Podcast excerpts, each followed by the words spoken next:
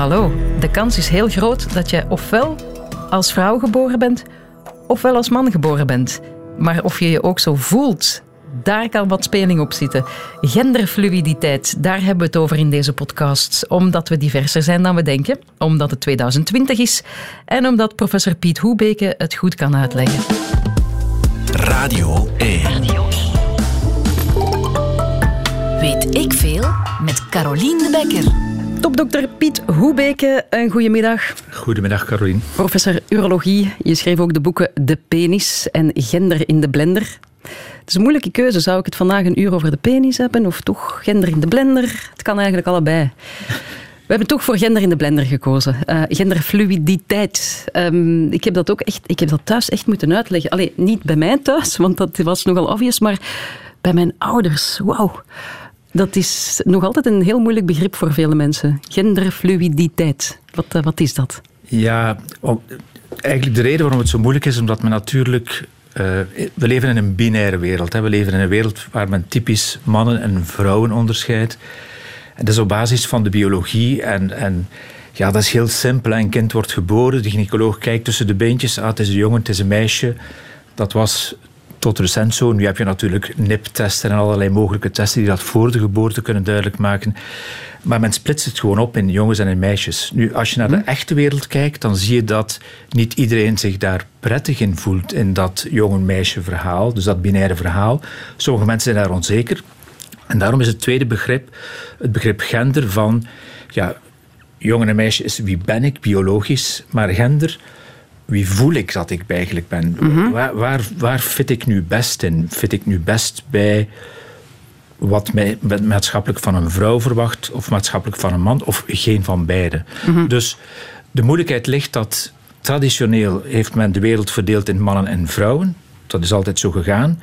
Nu merkt men dat er in deze meer open wereld, met meer communicatie, met meer toegang tot ideeën van anderen. Via sociale media zie je dat ook heel erg bovendrijven. Sociale media is natuurlijk enorm. En het is niet zo dat sociale media dat creëren, want daar wil ik nu toch wel even uh, al een eerste tackle doen naar mensen die, die vaak vinden dat we een beetje te ver gaan in dat genderfluide verhaal. Uh, je maakt niet iemand genderoncomfortabel. Je, het is niet door over iets te praten dat je iemand genderoncomfortabel maakt. Uh mhm. -huh. Dat komt diep uit henzelf. Er zijn mensen die zeggen, en er, bestaat wel zoiets als een eh, rapid onset, onset gender dysphoria bij kinderen. Er bestaat zo'n fenomeen in een klas waar dan een kindje zit dat genderdysfoor is, dat dan transseksueel zou kunnen zijn, dat er een aantal kinderen daar rond ook die symptomen gaan vertonen. Er bestaat daar een zekere besmettelijkheid, maar dat gaat over, dat blijft niet. De echte genderongevoel... Als je zegt er bestaat een zekere besmettelijkheid, ze gaan elkaar kopiëren een beetje. Ja, het is vooral kopiegedrag. Hè? en, en, en daar komt dan de kritiek van, van mensen die zeggen van, ja, wat jullie jullie maken dat construct. Hè. Mhm. Jullie, creëren dat construct. Ik ga nu toch wel misschien onmiddellijk naar de actuele politiek. In Polen, de hele groep van de huidig verkozen president vindt ook dat je kinderen geen kennis mag geven over het bestaan van homo's en lesbiennes. Want Om ze dat je niet aan te steken. Ja, daarmee steek je ze aan. En, en ja, geen absurder verhaal dan dit, dan dat je dit zou aansteken. Dit zit gewoon puur in de mens. En daar is wel heel veel wetenschappelijke evidentie voor die dat ook kan uitleggen waarom men zich niet comfortabel voelt in een bepaald... Wel, laat ons eens even naar dat wetenschappelijk stuk kijken. Hè. Dan moeten we even naar de, de biologie. Um, wat je daarnet hebt gezegd, we, we, hebben het geleerd. dat Je bent geboren of met een penis, dan ben je een man. Je bent geboren met een vagina, ben je een vrouw. Um, zo simpel is het allemaal niet. Um, we om, om echt helemaal terug te gaan, we komen allemaal gelijk aan de start. Hè? De eerste tien weken ja, zijn we als foetus allemaal zowel man als vrouw. Ja. We starten met een gelijk pakket materiaal. En we hebben natuurlijk een, een, een programma, en dat programma is het DNA. En dat DNA dat is natuurlijk verschillend tussen eh, wat we nu nog altijd jongens en meisjes zullen blijven noemen. Mhm. Je hebt de fameuze chromosomen 46XX, 46XY. En wat doet dat DNA? Dat DNA gaat dus die, dat wezen dat in wezen er gelijk uitziet bij jongens en meisjes, gaat dat op een bepaalde richting duwen op basis van dat programma. En dat gebeurt door eiwitten die dan gemaakt worden vanuit dat uh, eh, DNA-programma. Hormonen gaan dat sturen. Dus wij beginnen de eerste tien weken gelijk en dan gaan we uit elkaar. Ja. Maar we gaan niet allemaal naar 100% links of 100% rechts. We kunnen mhm. ook ergens in het midden blijven hangen. als dat programma niet perfect is, bijvoorbeeld je hebt een chromosoomstoornis. Je hebt niet uh, 46XY, maar je hebt bijvoorbeeld een mengeling van 45XO en 46XY. Dan heb je een ander programma en dan wordt er ook anders geschreven en dan krijg je een individu, een persoon met intersexe kenmerken. Een persoon die ja, niet kenmerken van beide heeft, maar niet de volledige ontwikkeling van bijvoorbeeld een mannelijk genitaal heeft. Een onderontwikkeld mannelijk genitaal of een te mannelijk ontwikkeld vrouwelijk genitaal. Ja, dat is een, wat we noemen het derde geslacht. Ja, ik vind dat een slecht woord. Ah, ehm, okay. Intersexe is een beter woord, alhoewel dat voor patiënten misschien lastig is van, zo, van ja, elk begrip dat je erop kleeft. Het is eigenlijk een variatie in de geslachtsontwikkeling. Dus, en hoe ziet, hoe ziet dat er dan uit? Of dat, dat, heeft dat uiterlijke kenmerken? Ja, dat willen alle mensen weten. Hoe ziet het eruit? Omdat in de grootste fantasie denkt men aan een individu met een penis en een vagina, maar dat is het eigenlijk niet. Mhm. Je moet je voorstellen dat kinderen met, uh, met onduidelijke geslachtsontwikkeling als ze dan de mannelijke richting uitgegaan zijn, hebben ze dat niet volledig voltooid. Dan hebben ze bijvoorbeeld een hypospadia, dat wil zeggen een plasgaatje wat niet helemaal op de correcte plaats op de penis zit. Is de balzak niet versmolten, maar ligt die open. En kan daar bijvoorbeeld een kleine inham tussen de balzak liggen die een soort van mini-vagina zou kunnen zijn. Omgekeerd bij meisjes. Je kan bij meisjes een overmannelijke ontwikkeling hebben. Dan gaat de clitoris groeien. En de clitoris kan zo groot worden als een penis bij een pasgeboren jongen. En je kan toch een meisje zijn. En dan gaat de, de schaamlipplooien eigenlijk samenvloeien tot een soort van balzakje. Dus ja. Oké, maar dan snap ik dat je inderdaad, um, dan zitten we al verder dan het man-vrouw aspect. Dan, eh, we zien dat we dan op een spectrum zitten, maar bijvoorbeeld David Bowie, die zich erkent als genderfluïde, dat zou hij vandaag toch alleszins zeggen. Ja. Ik kan mij voorstellen, eh, David Bowie is een man. Ja. Uh, ik heb nooit tussen zijn benen gekeken, maar ik kan ja. me voorstellen. Hè? Maar je moet ervan uitgaan dat dat. Uh, want dat gender dat staat niet copy-paste op dat geslacht. Ik bedoel, dat, dat gender kan. En, en de, de transpersonen zijn daar de meest extreme voorbeelden van. Een transman is een biologisch geboren vrouw met volledig normale vrouwelijke geslachtsontwikkeling. Mm -hmm. Die zich niet goed voelt in dat vrouwenlichaam en die eigenlijk zegt van ik ben eigenlijk een man. Ik Ja. ben een man die in een vrouwenlichaam geboren zit. Ja. En, en Komt dat biologisch dan, als we dat even uh, biologisch bekijken? Ja, we weten het niet 100%, maar er zijn heel veel zaken. Een van de belangrijke zaken is de, het brein. Hè. Het brein heeft waarschijnlijk ook een soort van uh, gender identity. Dus in het brein. Je weet, het hersen tussen mannen en vrouwen zijn grotendeels gelijk. Hè. 97% van de hersenen zijn gelijk, maar 3% verschilt. En er is onder andere een sex-dysmorph nucleus, dus een, een, verzameling van cellen die net over die geslachtsverschillen gaan, waarbij men bij transpersonen gevonden heeft, bij, bijvoorbeeld bij transvrouwen, dus mannen die vrouw geworden zijn, dat zij een vrouwelijke nucleus hebben. Dus dat wil zeggen dat een hersenstructuur wellicht vrouwelijk was. Is dat nu de enige plaats waar het gender in woont? Nee, het gender zit op veel niveaus uiteindelijk. Hè. Ja. Het, het, gender zit in uw nature, in wat uw natuur is, maar kan ook in uw nurture zitten, wat uw opvoeding is. Ah, en ik, ja. de, ik, zal een voorbeeld geven. Uh, in Afghanistan hebben meisjes geen toegang tot onderwijs. Als je als meisje je gaat als jongen gedragen en je gaat je kleden als jongen en je ouders zeggen dit is onze zoon, dan kan je naar school gaan. En dan kan je dat heel lang blijven volhouden en dan zijn er sommige van die meisjes die uiteindelijk de mannenrol volledig gaan opnemen, hebben zij dan een mannelijke genderidentiteit? Wellicht niet, maar misschien een klein stukje wel. Dus het is altijd wat wij multifactorieel noemen. Er zijn heel veel factoren die bepalen hoe je als individu evolueert. Mm -hmm. Hoe je seksuele identiteit ontwikkelt. Hoe je ontwikkelt als, als genderbewust individu. Het is heel erg complex, want ik heb je nu inderdaad iemand, uh, horen zeggen van iemand met de twee geslachtskenmerken. Uh, transpersonen heb ik ook horen vallen. Dan um, ja, mensen die zich gewoon... Uh, identificeren van binnen met, uh, met het andere geslacht. Zoals bijvoorbeeld David Bowie soms, maar soms ook niet. Ja. Dus het, het, is een gigantisch spectrum. Ja. Daar moeten wij op één uur tijd zien uit te komen, hè ja. Piet? Dat, dus... uh, dat wordt een moeilijke opdracht. Maar boeiend. Maar heel erg boeiend. Weet ik veel? De Antwerpse theatermaker en zanger Jawad Aloul die was vorig jaar de gast in Touché en zei toen dit.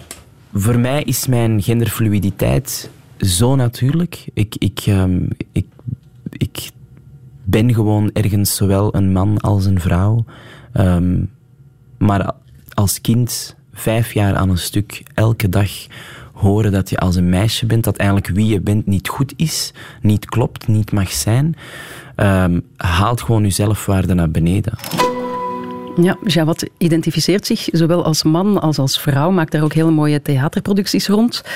Um, voor veel mensen is dat nog altijd een beetje nieuw. Uh, Piet Hoebeke, jij bent hier om dat uit te, te leggen, professor. Topdokter ook. Um, dat non-binaire dat je daarnet zei, want dat, dit is een non-binair verhaal. Hè? Ofwel, het binaire, dat kennen we. Eentjes of nulletjes. Of je bent een man, of je bent een vrouw. Um, wat we nu al leerden, je kan als man geboren worden en je ook echt een man voelen, maar ook kan als man geboren worden en je van binnen een vrouw voelen of je vrouwelijker voelen. Um, ja, dat betekent niet altijd dat je een transpersoon bent. Nee, helemaal niet. Hè. Uh, want veel mensen gaan denken, wat, wat is het nu? Ik snap het ja, niet meer. Nee. Er is wel een heel belangrijk momentum in, in de wetgeving gekomen. Toen wij in Gent begonnen met transpersonen te behandelen, gingen wij nog altijd uit van of, of de wet verplichtte u een individu die van gender wou wisselen of ergens wou, wou shiften in zijn gender, moest een chirurgie ondergaan die hem in het oorspronkelijke geslacht onvruchtbaar maakte. Dat is in 2018 afgeschaft. En dan, dus in plaats van, dus ik vertel dat aan patiënten, vroeger als je genderproblemen had en je wou daar iets aan laten doen, dan moest je de ganse menu opeten. Dus je moest dus alles laten doen. Hormonen nemen en, en laten opereren. Ja.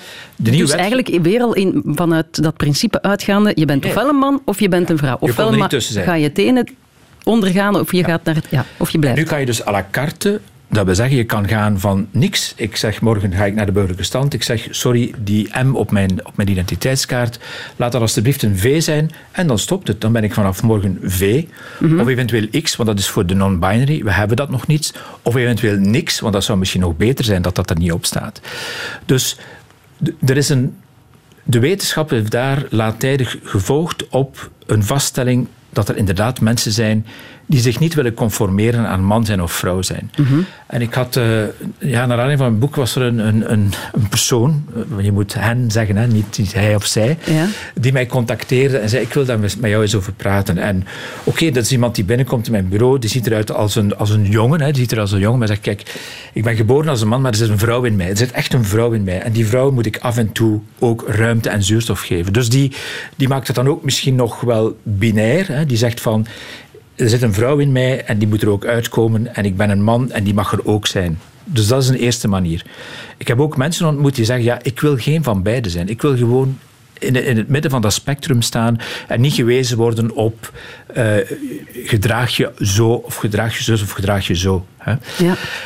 En natuurlijk, als je in, in de jaren dat ik opgroeide, in de jaren zeventig, aan, u, aan uw vader zou gezegd hebben: uh, Papa, er zit een vrouw in mij, dan zouden een paar kletsen rond de oren gekregen hebben en zouden daar dus niet meer moeten over spreken hebben. Terwijl nu net door de bereikbaarheid door social media en door de kennis, hè, ook door, de, door het feit dat dit toch wel in de publiciteit komt, moet dat toch meer bespreekbaar zijn. Mhm. je, om er ook tussen te mogen blijven hangen. Ja. ja. Uh, want dat, voor, voor, voor jou als, als professor, als, als dokter, als degene die mensen ook helpt om van um, geslacht te veranderen. Um, moet dat ook een complex vraagstuk zijn. Je, je moet heel goed luisteren naar je patiënten, want, of naar je ja, patiënten, ja. Wat zijn de vragen? Wat, want voor hen is het vaak ook een puzzel. Kijk, eerst en vooral vind ik niet dat iedereen die een, een, een gender probleem en wacht even, die, die anders gender voelt, is geen patiënt. Je mhm. kan perfect. Ik was het juiste woord aan het zoeken. Het is inderdaad. In de gezondheidszorg. klant, ja, cliënt. Je, je, moet niet in de gezondheidszorg komen omdat je over je gender anders nadenkt. Dus dat hoeft niet. Nu, wat is mijn principe? Mijn principe is de mens die voor mij zit, heeft zijn verhaal en zal mij het verhaal vertellen. En ik moet open-minded naar dat verhaal luisteren. En ja, er is ook geen enkele reden waarom ik in een bepaald verhaal niet zou meegaan, zolang dit gaat over de persoon die het zelf wil, zijn omgeving die er geen probleem mee heeft en hij er niemand anders in de problemen mee brengt. Hè. Mhm. Dus ik denk dat dat altijd een. Uh, dus mijn tolerantie is extreem groot mhm. voor, we zullen het nu maar seksueel anders gedrag of anders geaardheid, of, er zijn geen woorden voor. Hè. Maar er zijn ook grenzen aan. Er zijn ook grenzen aan, aan, aan dit soort dingen. Ja. En, en Maar mensen nu- komen vooral naar jou als ze voelen van mijn eh, lichaam klopt niet met de identiteit die, die ik, eh, met, met hoe ik mij voel.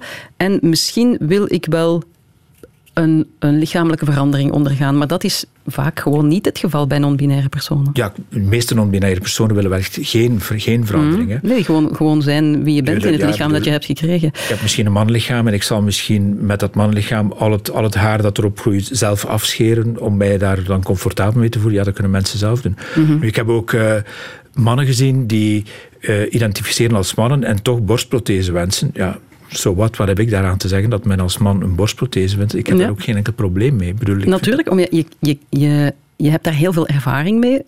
Ik kan me voorstellen dat de maatschappij momenteel, dat heel veel mensen verward zijn. Hè, Eerst was er gewoon, je bent een man of je bent een vrouw. Nu zijn er transpersonen Ja. die wel of niet van geslacht veranderen. Die, eh, er zijn er die ook een borsten en een penis willen. Vrouwen die zeggen, ik identificeer mij als man, maar ik laat niets veranderen aan mijn lichaam. Het, eh, het, het, ja, Caroline, de, de rijkdom van onze maatschappij is haar diversiteit. Ik bedoel, hoe je het ook Ja. draait of keert. Het is in de diversiteit dat we de rijkdom van deze ma- maatschappij... Als ik hoor het je heel graag zeggen, maar ik snap dat heel veel mensen. eh, dit is een, een, nieuwe, een nieuwe stroming. Het is eh, de, tijd, de tijd dat men in de kerk eh, de, mannen, de mannen rechts en de vrouwen links... En, ja, die is helemaal voorbij. Sorry, eh, eh, dit, dit is niet meer van deze tijd. En ik vind ook dat... dat ja, een persoon, een mens, heeft toch het recht om met dat fantastisch lichaam, geest, alles wat hij heeft, er voor zichzelf het maximum uit te halen. En, en als hij daar dan medische hulp voor nodig heeft, en het is verantwoord, dan moeten wij dat ook doen. Hè? Ik weet, eh, er zijn vrouwen. Ik blijf op vrouwen. Er zijn personen die van het vrouwelijke geslacht zijn geboren en die graag een beetje testosteron willen innemen. Ah, als dit medisch verantwoord is, dat zij een klein beetje testosteron nemen, dan heb ik daar geen probleem mee. Ze maken trouwens zelf al een klein beetje testosteron, aan, dat weten vele vrouwen niet. Maar als je zegt, ik wil er een klein beetje meer, en ik zal niet boos zijn als ik daar een snorretje van krijg, ik zal dat zelfs leuk vinden als ik een snorretje krijg. Ja, kijk naar Conchita Wurst, de fameuze Oostenrijkse zangeres, die... Of, ja, ja, Ja, jongvolwassen mensen zijn meestal wel mee. Hè. Eh, generatie Z Ja. wordt meestal ook de genderfluïde generatie genoemd. Hè. Die, die laten zich niet meer in een hokje duwen. Eh, dankzij die sociale media zie je dat ook. Eh, heel veel mensen die, die zich als non-binair identificeren en daar ook mee naar buiten komen. Ja. Ze voelen zich niet volledig man, niet volledig vrouw. Het, eh, Natuurlijk, voor, voor, voor ouders kan ik mij voorstellen, er is een bijzonder mooie TED-talk, ik weet niet, maar een, een moeder die over haar non-binary kind spreekt. En, en ze vertelt het verhaal dat ze de schoenwinkel binnengaan en, en dat dat kind eh, trekt aan die mama van, en wil naar de schoentjes met glittertjes. En de mama zegt, oh nee, geen schoentjes met glittertjes, dat gaan we toch niet doen. Hij zegt, ik moest mijn kind naar de afdeling van saaie, bruine en zwarte schoenen duwen om toch maar te conformeren aan zijn lichaam. Dus als ouder heb je die peer pressure of de pressure van, van, van je omgeving. Hè. Je, je gaat je kind toch niet, of je gaat je zoon toch niet met een roze boekentas naar school sturen. Want hij zal uitgelachen worden. Ja. Dat is dan meestal wat erachter Ik denk dat heel veel mensen ook, eh, of ik weet niet hoeveel momenteel nog, maar je hoort vaak van dat hoort niet, dat is ook niet eh, natuurlijk. Maar dat is dus wel, eh, want jij bent een topwetenschapper, Ja, het is een biologisch feit dat we allemaal op een spectrum zitten. absoluut. Eh, een groot stuk. Kijk, maar ik moet altijd opletten, want soms denkt men dat ik iedereen in dat spectrum wil verschuiven. Er is een meerderheid van mensen die inderdaad biologische mannen die als mannelijk gender identificeren en biologische vrouwen, die zijn nog de meeste. Maar daartussen zit een aanzienlijke groep. En dat varieert naar gelang de studie van 10 tot 25 procent. Die niet op die kant willen gaan staan, maar die ergens in het midden willen blijven hangen. En, en, en, en ja, ik vind dat, dat wij als maatschappij.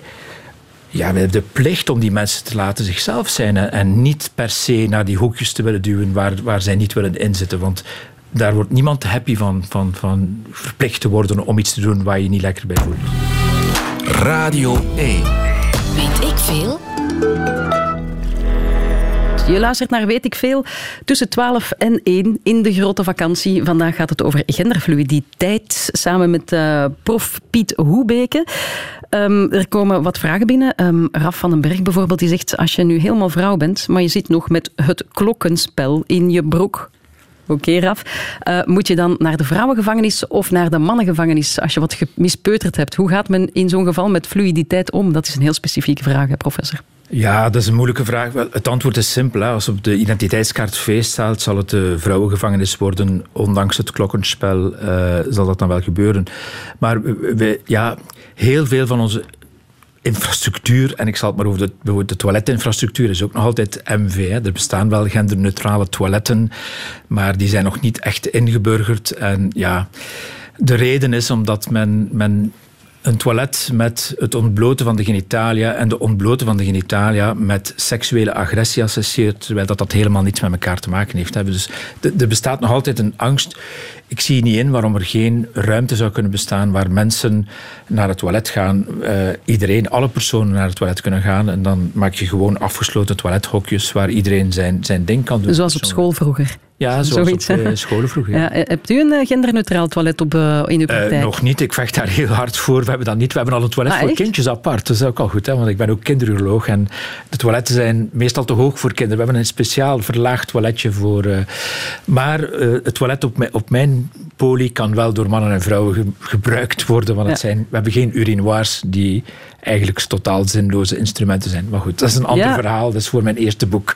Ja, echt. Daar gaan heel veel mannen het niet eens mee zijn. Hè. Dat is, goed, ja. lijkt me heel leuk als man om zo in een urinoir te plassen. Maar goed, um, we hebben het dus over genderfluiditeit. Je voelt je van binnen anders dan je biologische geslacht de hele tijd. Of soms... Um, ja, ik, ik, voel mij de ene dag ook vrouwelijker dan de andere. Waar, waar, begint en eindigt genderfluiditeit? Ik zit graag met mijn benen open af en toe en soms denk ik, goh, laat mij eens een, uh, een broek met een das dragen of zo. Of, ja. uh, dat is moeilijk te bepalen, hè?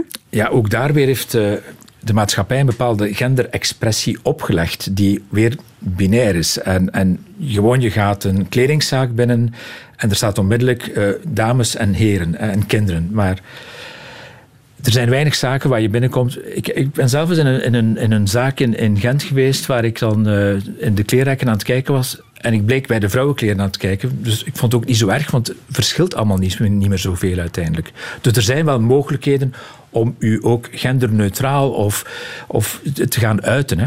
Mhm. Maar men verwacht inderdaad nog altijd dat, uh, dat, dat een, een, een man een, ja, een broek draagt en een vrouw een rok. Trouwens, uh, ik vertel altijd hetzelfde verhaaltje, maar de fiets is een mooi voorbeeld daarvan. Hè. Waar, waarom zijn de fietsen van mannen en vrouwen eigenlijk verschillend? Dat is een heel mooi voorbeeld van genderexpressie. Je hebt een typische mannenfiets met die dwarse en dan heb je de vrouwenfiets met die buis die naar beneden ligt. Nu, dat is heel eenvoudig te verklaren. Dat heeft gewoon te maken met de broek en, en de rok. Hè. Want met, met een rok raak je niet op zo'n mannenfiets, want die dwarsbuis zit een beetje in de mhm. weg. Maar dan moet je afvragen, ja, waarom dragen mannen broeken en vrouwen rokken? Dat heeft weer te maken met het paard, met de manier waarop het paard breder werd. hè. Mhm. Dus uh, mannen hadden het paard nodig om te gaan vechten, moesten daar schrijlings over zitten. Vroeger droegen alle mannen kleden of rokken, zoals de, de, de kaftans nog bestaan. Als je dan op je paard moest rijden, kon je met zo'n rok niet scheidings op een paard. Heeft men de broek uitgevonden. Dus eigenlijk al die uiterlijke kenmerken die nu standaard zijn, hebben wel een reden waarom ze ontstaan zijn. Dat is een mhm. praktische en functionele reden. Maar hebben eigenlijk niks te maken met de essentie van man of vrouw zijn. Maar soms zijn, um, ja, zijn kleren wel een vehikel om, om tot expressie te komen. Ik, ik kan mij inbeelden als klein jongetje dat je heel graag blauw wil dragen omdat je wil tonen dat je een jongen bent. Of, dat je een, of roze, omdat je een meisje bent, dat je dat echt ja, tot uiting wil brengen. Ik geloof niet dat je dat uit jezelf wil. Dat komt omdat dat opgelegd wordt. je wordt als baby in een roze slaapkamer gelegd als je meisje bent. En dan word je met roze kleedjes geconfronteerd. Dus je wordt eigenlijk een beetje in die roze richting geduwd. Uh, eh, 200 jaar geleden was uh, blauw voor meisjes en roze voor jongens. Dus het is een beetje omgekeerd geraakt. Dus het, het, is altijd, het heeft niets met de essentie van wie ik voel dat ik ben te maken, de expressie. Mhm. En ik vind... Ja, Niet? Ja, Bijvoorbeeld als je een transpersoon bent en je, wil als, je, je bent een, een, een uh, geboren als man, maar je bent uh, je voelt je van binnen vrouw, dan wil je toch, dan wil je toch maar dan, Caroline, expressie geven aan hoe je je... Ja, maar we zitten weer in dat binaire en dan zie je inderdaad dat het een overaccentuatie wordt. En dan gaan uh, transvrouwen zijn soms zeer expliciet vrouw. Als een soort van revanche op dat als man geboren geweest zijn. Dan gaan ze hele opzichtige maquillage gedragen, heel opzichtige lingerie, hele korte rokjes, hele hoge hakken. Ja, de klepel mag even de andere kant uit. Wat zeg je? De klepel mag even de andere kant uit. Ja, dan gaan ze echt wel de andere kant uit. Als ik daarentegen, ik ben gelukkig in een studentenstad als Gent, waar heel veel jonge mensen rondlopen. Ik vind dat daar veel mensen rondlopen van wie je aan de kleding helemaal niet kan zien of ze jongens of meisjes zijn. Dus een soort van genderneutraal is het nieuwe normaal. En ik vind dat bijzonder fraai. En ja, ik, ga nu dezelfde fout maken, maar Dr. Martens schoenen zijn misschien heel, heel mannelijk qua concept, maar er zijn heel veel vrouwen die van die hele zware bottines dragen die eigenlijk op een bouwwerf thuis horen. En ik vind dat helemaal oké. Dus die gender expression is iets wat, wat ons voor een stukje wordt uh, ja, aangeleerd. Dat is echt een nerdje. Het is ook cultuur. Hè? Mathieu Dupont bijvoorbeeld stuurt hier een app en die zegt uh, de Romeinen vonden broeken barbaars. Ja, dat is correct. Ja. Ik denk dat inderdaad juist is. Een, een kleed was een uiting van, van de uh, Romein zijn waarschijnlijk. Ja, maar die expressie is op zich toch wel oké. Ja, ik heb geen probleem met expressie. Hè. Bedoel, maar ik, je mag wel geen probleem hebben met dat binaire expressie. Nu, er is een mooi voorbeeld, zijn de drag queens. Dat is eigenlijk ook een, een, voorbeeld van, van mensen die een extreme expressie... zijn meestal homoseksuele mannen, heel veel drag queens zijn homoseksuele mannen, die dan een extreem vrouwelijke expressie gaan geven aan hun vrouw zijn als ze dragen. Als ze drag queen zijn, gaan ze enorm hoge hakken dragen en... en eh, de serie op Netflix Pose is daarvan een heel mooie serie als je echt eens de, de dragwereld in het New York van de jaren tachtig trouwens, waar het eigenlijk, want het bestaat wel al langer, hè. het is niet alleen de generatie Z, alleen is het zo dat het in de jaren tachtig clandestien en in de duik moest staan. Dat was altijd... Uh, terwijl nu, ja, nu nog, hè, ik denk niet dat je morgen bij je baas moet komen en zeggen: In het weekend drag ik een beetje. Uh, ik zou het wel heel goed kunnen aanvaarden, maar ik denk dat er veel mensen zijn die zeggen: van ja, die moeten we niet hebben. Hè. Dus, mm Weet ik veel? Androgyn zijn in de jaren tachtig, dat was. Uh, ja, dat, dat kwam ontzettend veel voor. Ik denk uh, aan Freddie Mercury, aan Prince, aan Michael Jackson. David Bowie, Annie Lennox. Het, um, het was schering en inslag. Maar um, momenteel, we hebben het over genderfluiditeit, zo kan je het eigenlijk ook wel noemen. Um, prof Piet Hoebeke, er komen wat reacties binnen. Dat is mooi. Uh, iemand zegt hier, ik ben 50 plus, maar ik voel me 30. Kan ik mijn geboortedatum dan ook aanpassen? Dat is cynisch natuurlijk. Sorry hoor, maar geslacht is een biologisch gegeven. Ja, dat hebben we ook nooit ontkend, denk ik. Hè? Nee, ik heb dat nooit ontkend, maar er is meer dan dat biologisch gegeven van het geslacht. Er is meer dan die chromosomen. Ik heb dat net proberen uitleggen dat van dat neutraal bouwplan dat de mens is, krijg je een, een, een, gaat het twee richtingen uit, maar niet bij iedereen. Dus het biologisch gegeven is ook dat een aantal mensen een, een gender identity anders zullen ontwikkelen. Dat is ook een biologisch gegeven. Mm Werken daar hormonen vaak op in? hoe, hoe, groot is de rol van hormonen? Onder andere hormonen, maar er zijn heel veel andere factoren. Dus gelukkig iets wat men multifactorieel noemt. Hè.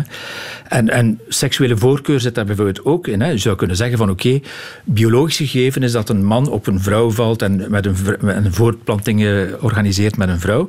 Maar de realiteit is dat dat voor 7 tot 10 procent van de mensen niet zo is. Mhm. En dat is ook een biologisch gegeven waar we gelukkig niet één gen voor hebben. Want als we daar één gen zouden voor hebben, dan zouden de mensen die uh, boosaardige ideeën hebben om, om homoseksualiteit uit te roeien, wel eens kunnen uh, designerbabies maken die dat gen niet hebben. Hè. Ik heb daar ooit een uh, zware discussie met een Duitse gynaecoloog gehad, die vond dat Stel dat er prenataal zou kunnen vastgesteld worden dat mijn foetus homoseksueel is, dan is dat een reden om abortus te plegen. Goed, ja, dan was ik geaborteerd. Ja.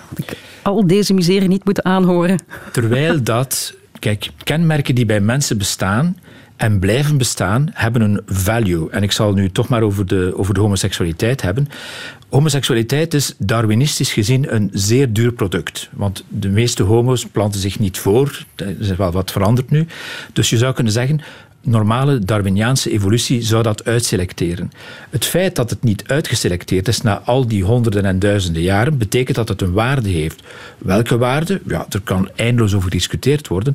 Maar de biologie kiest ervoor om mensen met seksuele voorkeur voor het eigen geslacht of zelfs andere. Er zijn meer dan 1500 species waar gelijkslachtelijke contacten zijn vastgesteld. Dus het heeft een waarde, het heeft ook een biologische waarde.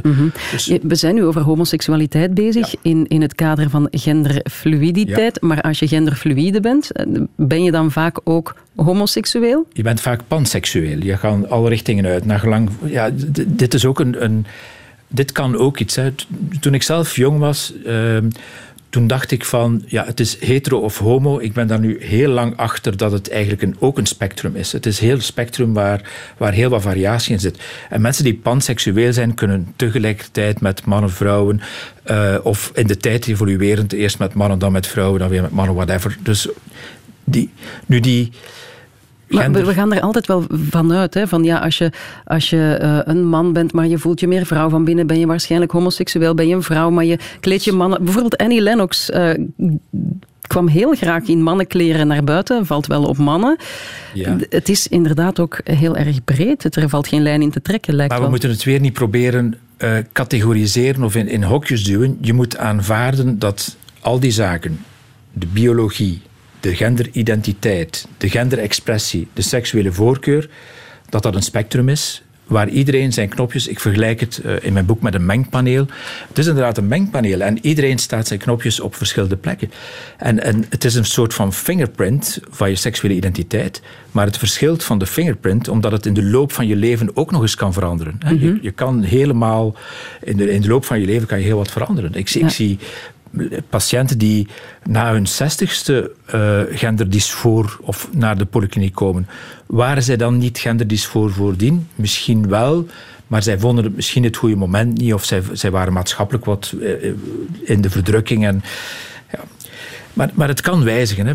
Een typisch voorbeeld is eh, homoseksualiteit. Er zijn heel wat vrouwen en mannen die beginnen met een heteroseksuele relatie en dan in de loop van hun leven overschakelen naar een homoseksuele relatie. Wat me op, vaak op eh, onbegrip botst van, ja, maar dat- hoe kan dat nu? Je was toch? Ja, ja, ja. Je, je was niet, je was, je was, je was alles. Hè? Je was alles eigenlijk. En je kan veranderen. Ja. Ehm, nu, wat, hoe zit dat eigenlijk bij eh, transpersonen? Want dat kan ook heel verwarrend zijn voor de buitenwereld. Ik denk voor transpersonen zelf ook. Hè. Stel, je bent een heteroseksuele man die zich vrouw voelt van binnen, ondergaat een geslachtsoperatie, wordt dus vrouw, heeft daarna een vriendin. Ja. Heel wat mensen zouden denken van, allee, dat was toch een hetero man en nu een lesbische vrouw. Het, het- Schuift het, eh, het de seksuele voorkeur ook op met... eh, een- Nee, wel, het, het, het onderzoek wat erover is, toont aan dat de proportie homoseksualiteit dezelfde is als in de niet-transpopulatie. Dus neem nu aan, in de populatie is homoseksualiteit tussen de 7 en 10 procent. Dan is dat bij de transmannen ook tussen de 7 en 10 procent die op mannen zullen vallen. Dus eigenlijk is dat nu iets waar we tamelijk wat eh, cijfermateriaal over hebben. Maar het is inderdaad dan, dan mensen zeggen dan vreemde dingen. Hè, van ja, eh, jullie hadden samen toch een kind kunnen krijgen, jullie hebben jullie een lesbische relatie en jullie hebben eh, die penis en die teelbal in de vuilbak gegooid. Hoe stom is dat niet? Nu, we doen dat niet meer. Hè. We, we, we, we sparen ook het gonadaal materiaal van transpersonen, zodat ze het later nog kunnen inzetten voor hun eigen nageslacht. Oké. Ja, heel interessant. Je schrijft in je boek eh, Gender in de Blender. Als iedereen is die bij zichzelf zou nadenken over zijn seksuele identiteit, dan kom je onvermijdelijk uit bij iets dat eerder fluïde dan rotsvast is. Er bestaan zo beelden als het heteronormatief mannelijk individu, hè, dat bestaat. En die, er zijn veel mensen die zich zo identificeren. Maar vele van mijn mannelijke vrienden zijn niet compleet heteronormatief alfamannetjes. Er zijn... eh, ja, eh, mannen mogen niet wenen, mannen mogen wel wenen. Hè. Ik bedoel, alstublieft zeg. Dat is, een, is, is wenen een genderexpressie van vrouwen? Nee, helemaal niet. Zijn er, ik, ik kan zelf naar televisie kijken en elke film die enigszins eh, gevoelige snaren raakt, kan mij makkelijk tranen in de ogen doen krijgen. Is dat erg? Nee, dat is helemaal niet erg. Ik bedoel, ik, ik vind... Iedereen zou bij zichzelf eens moeten durven denken van... Ja, wie ben ik? Hè? Wie ben ik Ja. eigenlijk op dat, op dat spectrum? Ja, dat zou heel interessant zijn. Ook eh, wat seksualiteit betreft. Je zou nogal wat horen als je al de taboes zou Wel, wegvegen. ik denk het wel. Trouwens, eh, Dirk van den Ede laat weten, Gender in de Blender staat op de literatuurlijst van de vertrouwenspersonen Defensie. Ja, prachtig. Ja. Heel goed. Ehm, Oké, we gaan... eh, het, het, het, ja, je gaat me moeten ondervragen, beste, beste Piet. Zie je dat zitten? Ja, ik, een professor moet vragen stellen. De examentijd is helaas al voorbij. En we doen het examen coronaproof. Dat we zeggen dat we het iets makkelijker maken, omdat de voorbereiding misschien iets moeilijker was. Oké, Eh, ja. We doen een corona-check. Goed. Ehm, eerste vraag. Maken vrouwen testosteron aan? Ja, Ja, Tuurlijk. Ja, dat is een makkelijke. Hè? Ehm, weet je nog waarom mannen de broek zijn gaan dragen? eh, omdat dat het met de broek zijn gaan dragen. Had het met paardrijden te maken? Ja, dat had inderdaad ja. met paardrijden te maken. Eh, al twee, twee punten. Wat is een drag queen? Een drag queen is iemand die, ehm, een man die graag eh, als vrouw zich wil exposen en daar een opvoering van maakt. Ja. Ik vind het goed. Ik Ja? Vind het goed. Ja, ik vind het goed. Ehm, een lesbische transvrouw, leg dat eens uit. Dat is. Wacht even. Dat is een eh, biologisch geboren als man, Ja, maar dan een geslachtsoperatie ondergaan naar een vrouw, maar nog steeds op vrouwen valt, eigenlijk. perfect. En dan de laatste vraag, wat is genderfluiditeit? Ja, dat is ehm, als je. ehm, je hebt je biologische geslacht, maar van binnen identificeer je als het andere geslacht. Of iets meer of minder. Je zit op een spectrum. Ja, het is de grootste onderscheiding. Ah, prachtig. Het zou nu wel balen zijn als ik hierin eh, zou zakken, natuurlijk. Eh, Piet Hoebeke, dank je wel om ons eh, wegwijs te maken in een heel complex thema, maar superboeiend. Radio 1. Weet ik veel? Zo, ik hoop dat we dit thema over zoveel jaar helemaal evident gaan vinden. Als je zin hebt in meer podcasts van Weet ik Veel, knock yourself out, want we hebben nog zoveel thema's besproken die jij misschien wel boeiend gaat vinden.